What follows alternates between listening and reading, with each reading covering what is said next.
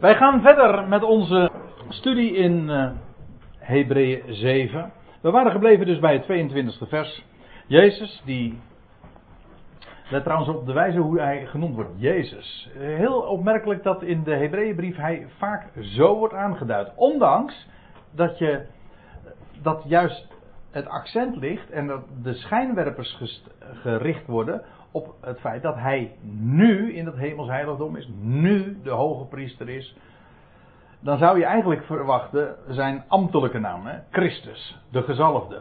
Maar hij wordt genoemd Jezus. Verwijst ook nog weer terug naar Hebreeën 4, waar, uh, waar we lezen dat, dat Jozua hen in de rust bracht. En waarom zeg ik dat nou? De naam Jozua in het Grieks is exact hetzelfde als de naam Jezus. Ja.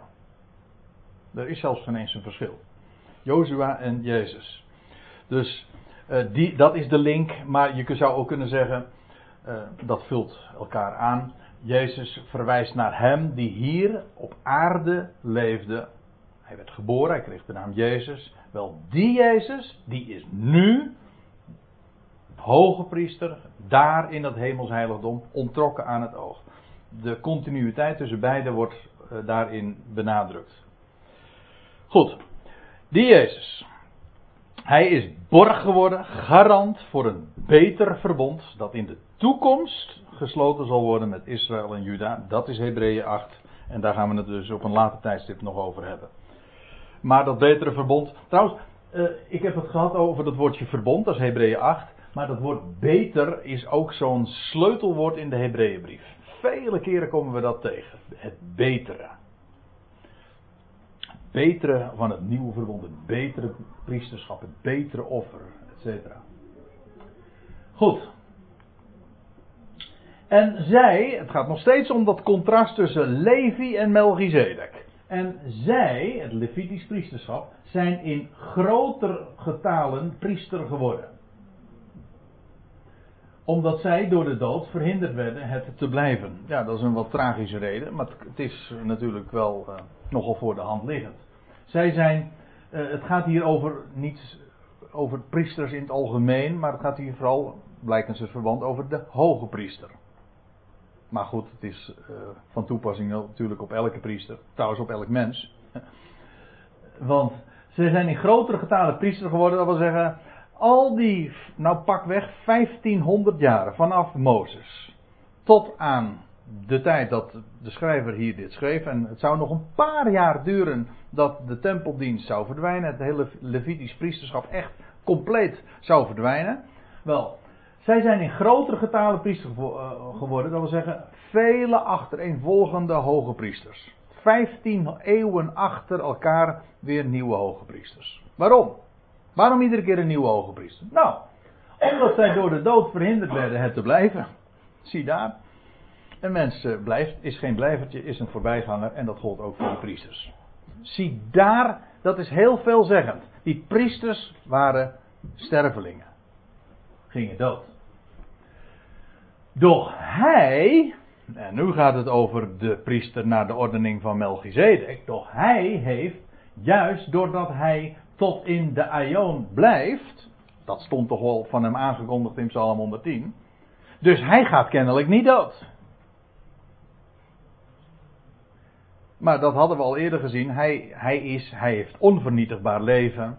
En zo kan hij ook inderdaad priester tot in de aion zijn. Hij hoeft het niet over te dragen. Doch hij heeft, juist doordat hij in, tot in de aion blijft, een priesterschap dat op geen ander kan overgaan. Dat wil zeggen, onover, de Telos-vertaling zegt, die jij hebt, uh, Mini. Die zegt, onover, in de voetnoot zegt ze, onoverdra, onoverdraagbaar. Ja. Waar, waar, je niet aan, uh, wat je, waar je niet overheen kunt stappen. Dat is eigenlijk het, het Griekse woord. Een priesterschap dat op geen ander kan overgaan en ook niet over hoeft te gaan. Hij blijft namelijk.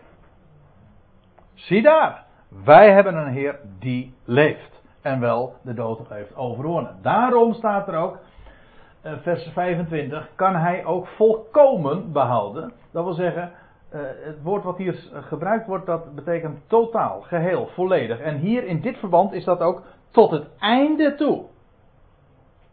Hij hoeft, omdat hij, blij, omdat hij leeft, kan hij ook gewoon tot het einde toe redden, behouden. Wie door hem tot God gaan. En nu kom ik uh, wel bij dat vers aan waar ik die u voor mij nog te goed had. Ik had me vergist in dat diaatje voor de pauze. Wel, hier komen we weer opnieuw die uitdrukking tegen. Er wordt hier gesproken over. Uh, hij kan volkomen redden, behouden, tot het einde toe redden. Wie door hem tot God gaan. Ik gaf al eerder een citaat uit Hebreeën 4, waar we ook lezen dat we met vrijmoedigheid toegaan tot de troon der genade. Maar in Hebreeën 13, vers 15. Het duurt nog een hele tijd voordat we daar zijn. Dat is, het ongeveer dat is het slothoofdstuk. Daar lees je dit. Laten wij dan. Dat is een heel belangrijk vers. Laten wij dan. Zo klinkt de oproep. Door hem. Namelijk Jezus Christus. Laten wij dan door hem, goden, dat wil zeggen aan God, voortdurend, ononderbroken, een lofoffer brengen. Namelijk, wat is dat lofoffer? Namelijk de vrucht van onze lippen, dat wat onze lippen voortbrengen. Wat is dat?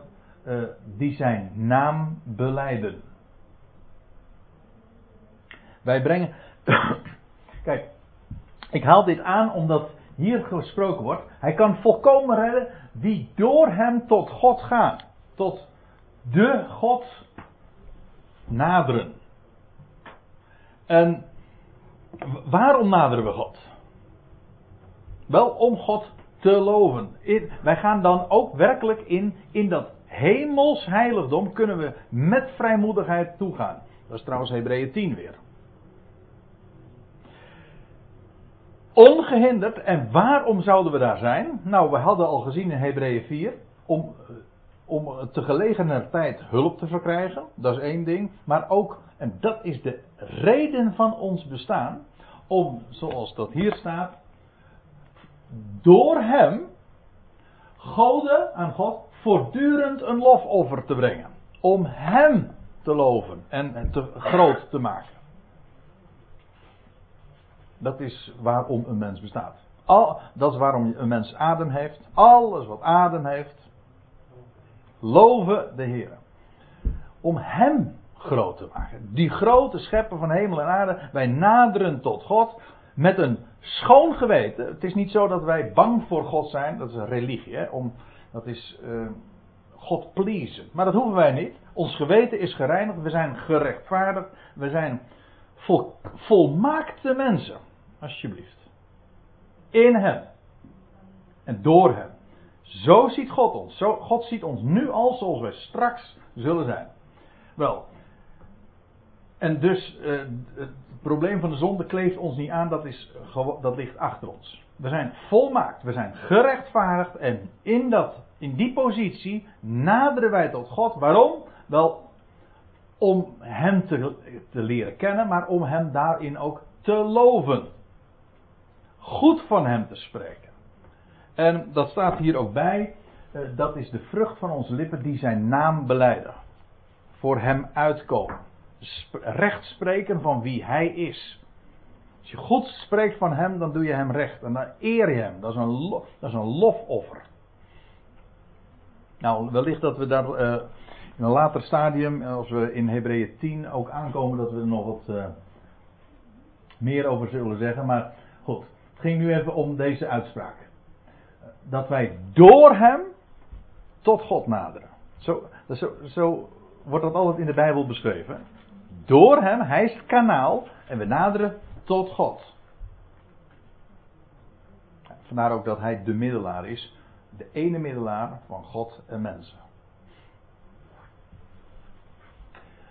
Door hem tot God gaan, er staat erbij, daar hij altijd leeft om voor hen te pleiten. Hij kan volkomen, dat wil zeggen tot het eind toe redden. Maar hoezo? Nou, daar hij altijd leeft. That's why. Hij leeft altijd, en uiteraard daarom dat ze. Uh, een mooi embleem. Sorry? eind bedoel je dan? tot het einde toe?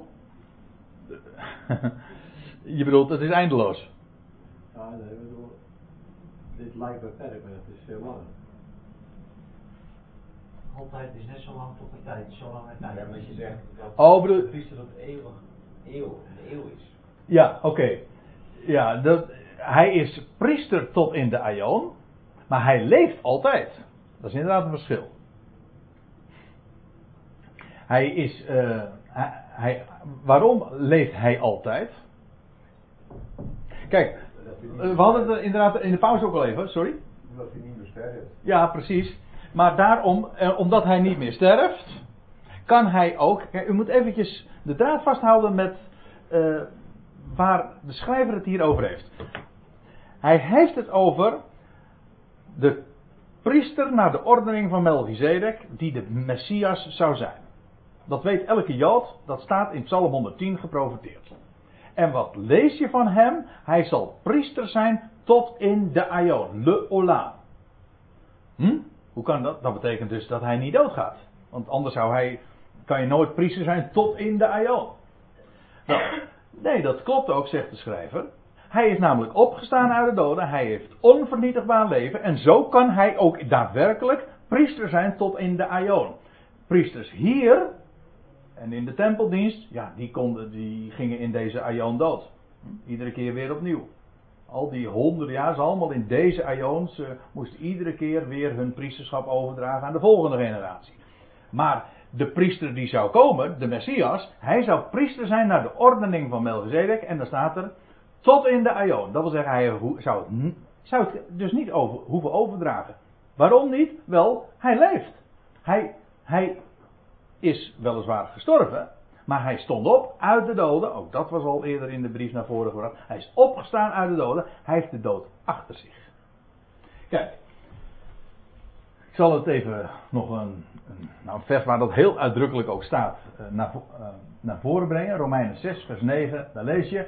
Daar wij weten dat Christus, de titel die juist verband houdt met zijn opstanding, nu hij uit de doden is opgewekt, being roused out of the dead ones. Dat wil zeggen, met achterlating van de doden is hij opgewekt. Wel, nu hij uit de doden is opgewekt, niet meer sterft, de dood voert geen heerschappij meer over hem. Met andere woorden, hij heeft dus echt de dood achter zich gelaten. In de meest letterlijke zin van de dood. Eh, van, de dood. Wat een eh, akelige verspreking. Ja. In de meest letterlijke zin van het woord. Hij heeft de dood achter zich gelaten. Hij leeft voor altijd. En dat is ook het bijzondere van zijn opstanding uit de doden. Het is ook maar niet zomaar opstanding uit de doden, het is levendmaking. Er waren al vele mensen, wat, wat heet, maar in ieder geval eh, meer, dan, eh, meer dan een handvol, mensen die ook opgestaan zijn uit de doden. Ook in de Bijbel wordt dat vermeld. Maar die gingen allemaal weer dood. Maar hij liet de dood achter zich. Dus hij is onvergankelijk, onvernietigbaar leven. Zie daar, hij is daarin ook de eersteling, de first, de vorst. Dus daarom die levensmaking er ook door. Tot aan het einde van die aion. De levendmaking, ja, want die, dat zal ook gefaseerd. Hij is de eerste. Zoals in Adam alle sterven, zo zullen in Christus alle levend gemaakt worden. Maar ieder in zijn eigen rangorde. Christus als eersteling. Vervolgens die van Christus zijn in zijn parousia. Daarna, en dan slaan we een heel eind over. Het einde, namelijk als hij het koninkrijk zal overdragen aan zijn God. Dus die levendmaking gaat voort. Hoe lang? Nou, totdat er geen dood meer is. Want hij moet heersen totdat de dood er niet gedaan is. Dat is de laatste daad van hem als koning. En, dan zal, en als er geen dood meer is, dan zijn alle levend gemaakt. God, alles in alle, hè? En dan wordt God alles. Precies. Nou ja, nee, dan, begint, dan stopt alles, dan begint alles. Ja, ja. Ja, maar Ja, precies. Nee, maar ik bedoel, dan is de dood voorbij. Dan is alles leven en dan, wordt, dan is God alles in alle. Maar hij is dus de eersteling in wie dat gerealiseerd is. Bedenk dat goed. Hij is het die nu al dat onvergankelijke leven heeft, dat leven dat hij heeft nu, dat zal het deel worden van heel de mensheid. Natuurlijk gefaseerd in rangorde, maar niettemin, dat is wat de hele mensheid te wachten staat. Om niet. Zoals alle mensen nu stervelingen zijn, zo zullen ze allemaal in Christus worden levend gemaakt. Schitterend onderwerp, maar het gaat ging er even om. Hij leeft altijd. Ja, daar hij altijd leeft, hoeft, kan hij dus ook het werk eh, als priester voor, uh, volmaken. Dat wil zeggen, hij hoeft het niet over te dragen. Hij kan het dus inderdaad ten einde toe volkomen geheel completeren. Daar hij altijd leeft om voor hen te pleiten. Ja. En nu heb ik een plaatje van de hoge priester erbij, want dit is nou typisch het werk ook van de hoge priester. Dat voor hen te pleiten, dat is uh, het woord voor voorspraak of ook uh, tussen beide treden. Maar dat is, dat begrijpen we allemaal, dat is precies wat pleiten ook is. ja, we gebruiken het ook nog in een andere zin als iets pleiten is, maar ik bedoel, iemand die. Ja.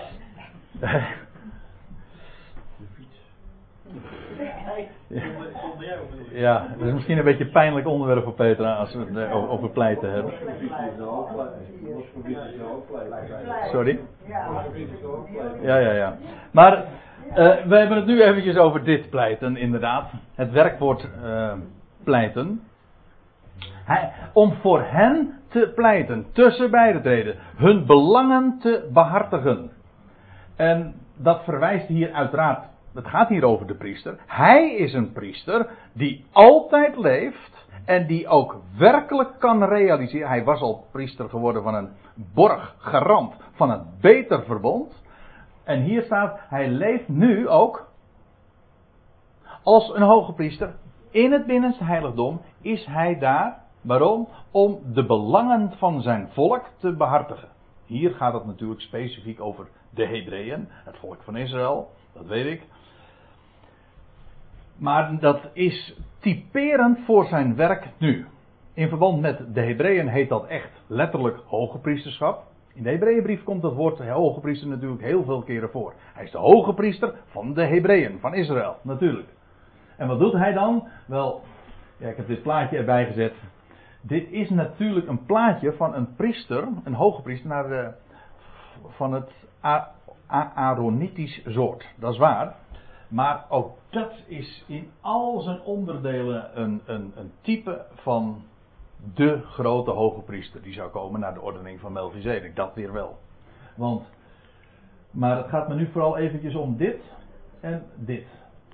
Dat wil zeggen, wat deed die hoge priester? Hij had, de, hij had zijn borstplaat met twaalf edelstenen. Die hij op zijn hart droeg. Zo, zo wordt het ook echt gezegd in de, nou, wat is het? Leviticus is ergens in de Mosaïsche wetgeving. Wordt, of Exodus. Hij droeg, die, hij droeg de namen van zijn volk. Twaalf, dus twaalf namen, de stamvaders van Israël. Droeg hij op zijn hart.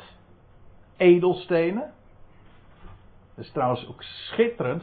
Uh, ook weer een schitterend type natuurlijk van, van waar het naar verwijst. Want zijn volk de namen van zijn volk, elk afzonderlijk, draagt hij op zijn borst.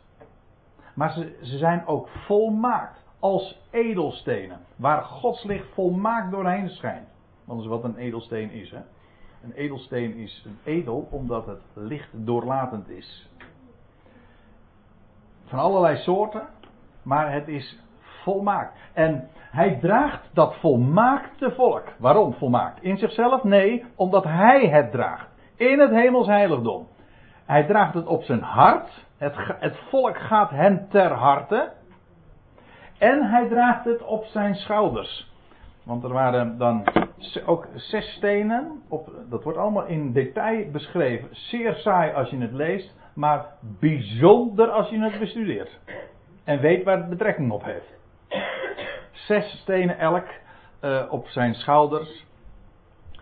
En ook die edelstenen. En ja, zo was die hoge priester, deed zijn representatieve werk. Dat wil zeggen vertegenwoordigend, bemiddelend, tussen beiden tredend, pleitend, uh, een voorspraak zijnd van zijn volk. En dat is wat de hoge priester nu is. In het binnenste heiligdom, je kunt zeggen, ja waarom is hij daar? Nou, om meer dan één reden. Hij wacht daar, staat er.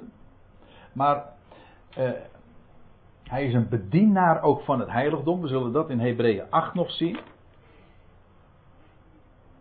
Hebreeën 8 vers 1. Maar een paar versen hier van, van dit vers verwijderd. Maar we komen vanavond echt zeker niet meer toe.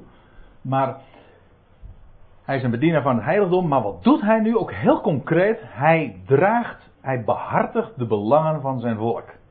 Hier specifiek wordt dat echt een hoge priester genoemd, omdat hij dat ook is van de Hebreeën. Maar ik heb hier een verwijzing staan naar Romeinen 8, vers 34. Maar daar vind je exact hetzelfde. Oké, het woord hoge priester ontbreekt daar. Opmerkelijk, in de brieven van Paulus, dat wil zeggen in de brieven waar Paulus handtekening onder staat, zul je, de naam hoog, zul je het woord hoge priester nergens tegenkomen. Dat is waar. Dat is gewoon een vaststelling wat ik nu doe. Maar het idee van wat hij daar nu doet, dat uh, komt exact overeen met wat de schrijver hier naar voren brengt. André, mag even verwijzen naar uh, Nieuw Jeruzalem, de fundamenten van de muren. Ook de twaalf edelstenen. Ja, ik geloof ook dat die twaalf stenen die vernoemd worden in openbaring 21, dat die exact overeenkomen ook met de stenen van Exodus 28, als ik me niet vergis. Ja, ja, dankjewel. We gaan even naar Romeinen 8, vers 34. Waarom? Omdat daarna exact hetzelfde vermeld wordt van uh, de activiteit van Christus nu. Dan lees je dit. Uh, nogmaals, ik, nog even lezen de laatste regel van Hebreeën 7, vers 25. Daar staat: Daar hij, die priester naar de ordening van Melchizedek, daar hij altijd leeft om voor hen, zijn volk, te pleiten tussen beiden te treden. En nu verwijs ik naar Romeinen 8, vers 34. Wat staat daar? Christus Jezus is de gestorvene. Maar staat er, wat meer is, daar ging het namelijk om, de opgewekte. Waarom stierf hij? Wel om te kunnen opstaan. Heb je weer hetzelfde fenomeen als waar we het net over hadden. Waartoe dient het eerste? Wel om het tweede te introduceren. Waarom moest hij sterven? Om te kunnen opstaan en de dood te kunnen overwinnen. Wat meer is, de opgewekte. En dan staat er, die ter rechterhand Gods is. De hoogste positie. U weet het hè. Rechts is altijd een positie van voorrang. Hij heeft een voorrang. De, hij is Gods rechterhand. Dat is uh, een uitdrukking die je nogal eens een keer vindt in de psalmen, maar ook in de, in de, bij de profeten. De rechterhand Gods. Daar, in de hemel dus. Of, of in de taalgebruik van de Hebreeënbrief, in het binnenste heiligdom, achter het voorhangsel. Daar is hij, die hoge priester. En wat doet hij? Nou, staat exact hetzelfde. Die ook voor ons pleit. Exact hetzelfde Griekse woord als wat in Hebreeën 7 vers 25 gebruikt wordt. Vergis je niet. Wie is Christus Jezus vandaag? Voor ons. Je kan zeggen, hij stierf ooit voor ons. Voor de hele wereld. Hij werd opgewekt uit de doden en nu is hij daar, ontrokken aan het oog. En wat is hij daar? Wel, daar is hij dit. Daar is hij die hoge priester naar de ordening van Melchizedek en hij draagt zijn volk. In de Hebreeënbrief specifiek het volk van de Hebreeën, maar in het algemeen, Paulus zegt het, zijn volk, ook de Ecclesia vandaag, draagt hij op zijn borst, op zijn, op zijn hart en op zijn schouders. Zijn krachten. De schouders zijn een uitbeelding van, van kracht. Daar draag je dingen. Draagkracht, daar spreekt het van. Zo'n hoge priester hebben wij.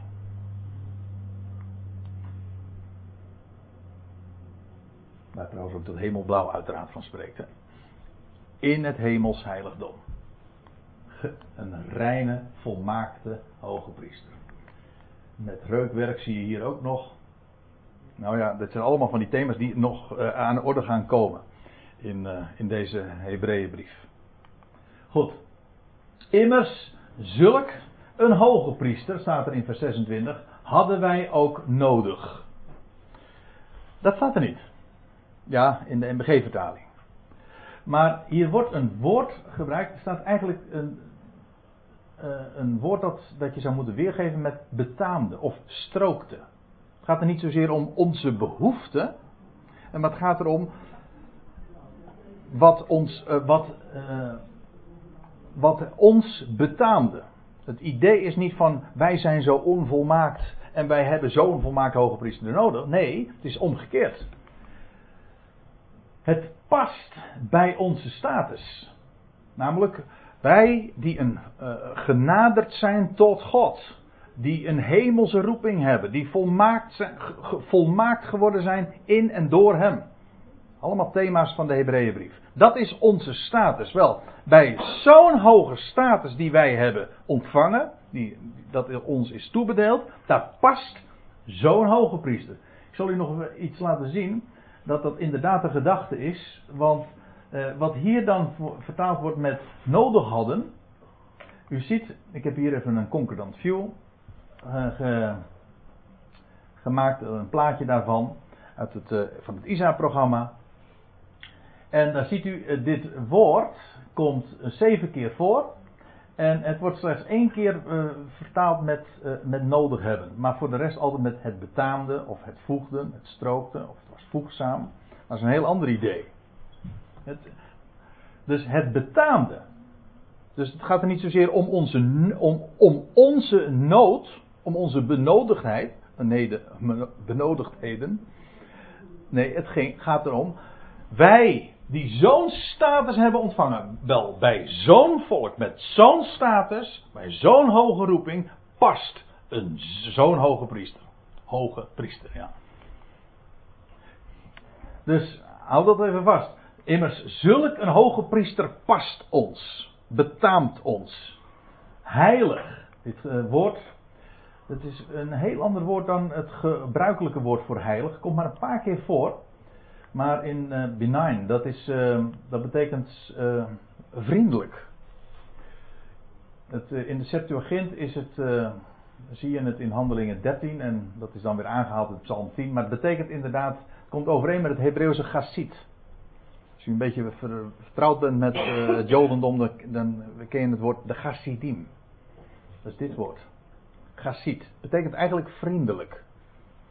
Moet u deze teksten maar even nakijken, ga ik nu niet doen. Maar dat is het. Het is een heilig hoge priester. Ja, wacht even. Uh, nee, hij is vriendelijk. Een vriendelijk hoge priester. En dan staat erbij, zonder schuld uh, of smet. Ja, die hoge priester. Je leest ook allerlei uh, bepalingen in verband met de hoge priester. Dat zij niet in aanraking met de dood mochten komen. Vandaar ook, dat is nu nog steeds zo. Als je, ik ben, ben wel, eens een keertje op de Joodse begraafplaats in Ouderkerk geweest. En dan staat er bij, de aan, bij het begin van, van zo'n van van zo'n Joodse begraafplaats een bordje van niet voor de Kohanim. Niet voor de priesters. Dus mensen die Kohen heten. Kohen, dat is het Hebreeuwse woord voor priester. Mensen die de naam Kohen dragen, die, die stammen uit de stam van, van Levi. Dat zijn priesters. Een priesterlijke familie. Wel, die mochten niet met de dood in aanraking komen. Er zit nog veel meer in uh, aan vast en wat de Joodse traditie daarvan gemaakt heeft. Maar het gaat nu even om het punt dat dat uh, inderdaad een besmetting is. Die hoge priester zou niets met de dood van doen hebben. Haha, ik weet waar het van spreekt. Dat is niet zo moeilijk. Want wij kennen een hoge priester die niets meer van met de dood van doen heeft. Waarom niet? Wel, hij heeft die dood overwonnen. Daarom. Daarom hoort hij ook helemaal niet op mijn begraafplaats thuis. Dat heeft hij achter zich. Zo'n zo hoge priester betaamt ons vriendelijk, zonder schuld. En dan staat erbij, uh, zonder schuld of smet. En dan gescheiden van de zondaren. dat ga, het gaat hier, u ziet het uit de, uit werkwoordsvorm, het gaat hier over iets wat gebeurd is. Hij is al gescheiden. Eh, gescheiden van de zondaren, dat is hij. Hij heeft daar niets meer mee van, van doen. Letterlijk zelfs. Want hij. Nou ja, laat ik het maar gewoon doorlezen. Boven de hemelen verheven, daar is hij nu. En dus inderdaad, ver boven de zondaren verheven. Letterlijk. Daarvan gescheiden. Je ziet, hier zijn, dit zijn allemaal dus karakteristieken van die hoge priester die ons past. Er staat trouwens letterlijk hoger van de hemelen wordend. Waarom zeg ik, dat klinkt uh, wat, uh, wat moeilijk en dat begrijp ik ook wel. Maar ik zeg het er eventjes bij, omdat het idee is niet dat hij, dat hij boven de hemelen is. Maar zijn positie is een toppositie boven alles van de hemelen. Dus het gaat er niet om dat hij boven de hemelen verheven is, want hij is in de hemelen. Maar hij is boven alles van de hemelen. Dat is een andere gedachte. Hij is boven, boven alles van de hemelen verheven. Vandaar dus ook aan de rechterhand Gods. Als je heilig nu apart gezet noemt, dan past het ook mooi in die. Dat ben ik met je eens. Dat zou helemaal erin passen. Waar het niet dat het woord wat er gebruikt wordt een heel andere betekenis heeft. Dit is gewoon een ander, uh, het is een ander woord. Daarom is dit woord hier, deze weergave, wat, uh, wat misleidend. Dat het op zich waar is, klopt. Gescheiden, apart gezet, dat is waar. Maar het betekent hier dus inderdaad vriendelijk. Een, een, een hoge priester die ook daadwerkelijk als iemand die zijn volk draagt op zijn borst. Dat wil zeggen op zijn hart. Wel, hij is vriendelijk. Hij, hij zet zich in. Hij staat garant voor hen. Hij houdt van hen. Hij doet alles voor hen. Dat is wat hier staat. En die niet, vers 27, die niet gelijk de hoge priesters,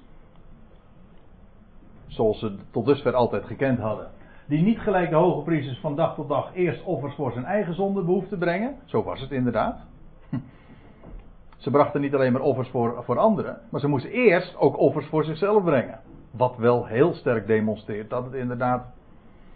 dat ze zelf niet eens deugden. En er staat bij, en daarna voor die van het volk, want dit laatste heeft hij eens voor altijd gedaan.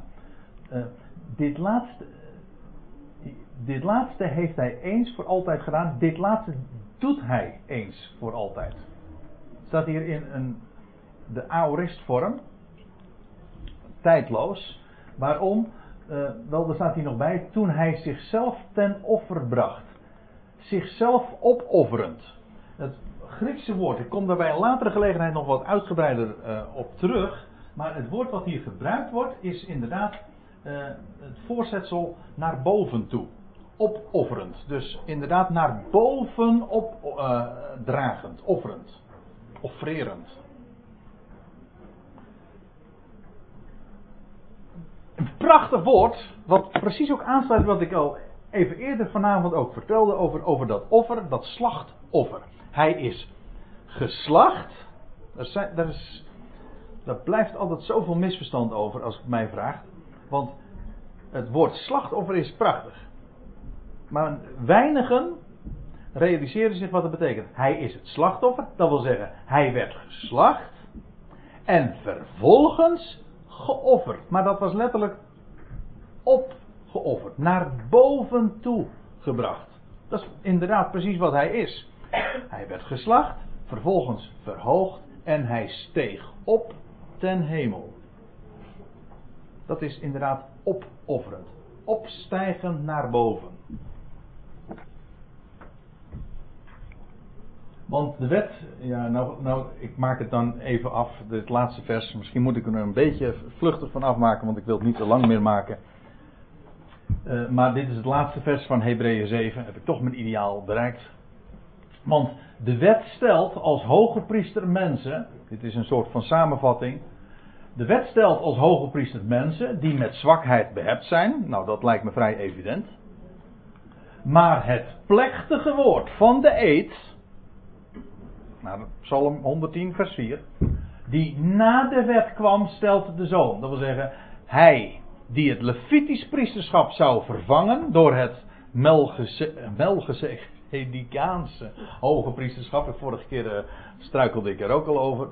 Ik heb niet goed geoefend thuis. Uh, het, Mel, het hoge priesterschap naar de ordening van Melchizedek. Wel, dat zou na de wet komen. Na dat van Levi. En dat stelt de zoon. Het plaatst de zoon. En er staat erbij die in eeuwigheid tot in de, e, tot in de aion, zolang als hij priester is, inderdaad volmaakt is. Dat wil zeggen, precies in staat te doen waar hij toegesteld is. Namelijk koning priester te zijn. Nou, dat is wat alles wat al uh, tot dusver ook is onderstreept en uitgelegd in het uh, voorgaande. Zodat we inderdaad kunnen vaststellen wat uh, Hebreeën 7 hier ook concludeert. Hij, de zoon van God, hij is die koning-priester naar de ordening van Melchizedek. Tot in de Aion, volmaakt. En daar wachten wij ook op dat hij straks zal verschijnen. Omdat, uh, om dan ook daadwerkelijk de koning-priester te Salem te zijn, te Jeruzalem. Zullen we het hierbij laten? Hebreeën 7 is voorbij en u ziet het. Hebreeën 8 gaat nu, uh, vanaf nu uh, beginnen, maar dat is voor de volgende keer. Dat wordt trouwens een, een maand wachten, want er vallen nu twee studies uit. Ik, wat de volgende studie is, weet ik niet zo uit mijn hoofd. Maar de volgende keer is een hele belangrijke datum. Niet waar? Ja, want mijn schoonmoeder is dan jarig. En, uh, en, die mag je nooit vergeten. dus die Bijbelstudie moest absoluut geannuleerd worden. Anders mocht ik niet langer in de familie blijven. Je kan zo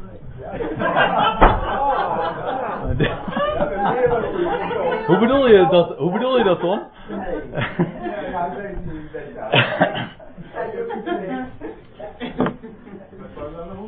En uh, die keer daarop is het Sinterklaas zonder Zwarte Piet natuurlijk. Hè? In ieder geval zonder Witte Piet. Hè?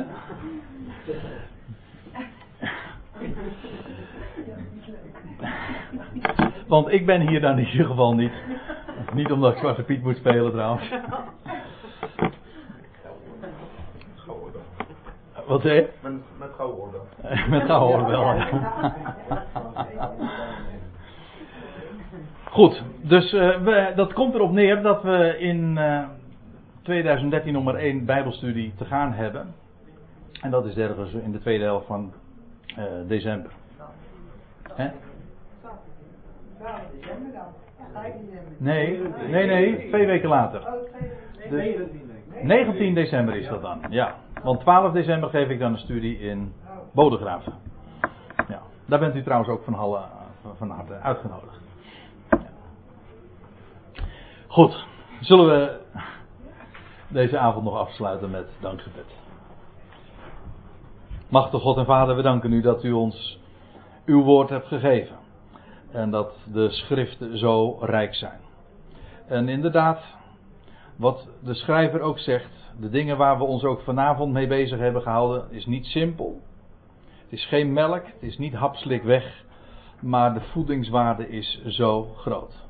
Het is geweldige, het is geweldige onderwijs wat we daarin aantreffen. Dat onze ogen naar boven gericht worden, achter het voorhangsel, in het heiligdom. Daar is hij, de zoon van God. De koning-priester naar de ordening van Melchizedek. En hij draagt ons. Hij draagt het volk van de Hebreeën. Hij draagt ons op zijn schouders, op, op zijn hart. En daar behartigt hij onze belangen. En wij weten wie hij is. En wie hij straks ook zal blijken te zijn. Heer, we zijn zo oneindig rijk in het kennen van hem. En dat we daaruit mogen leven, elke dag weer opnieuw. En hier verlicht de ogen van ons hart, zodat we daar steeds meer van gaan zien. En laat onze ogen ook stralen van die heerlijkheid. Niet doordat we iets wat wij doen, maar door de rijkdom en door het, de kracht en het levende woord van u. Daar denken we altijd te gering over. Heer, zo danken we u voor alles. We dragen ons ook op voor de rest van deze dag. En we danken u dat we in uw handen veilig en gerust zijn. In de naam van Hem, Christus Jezus, onze Heer. Amen.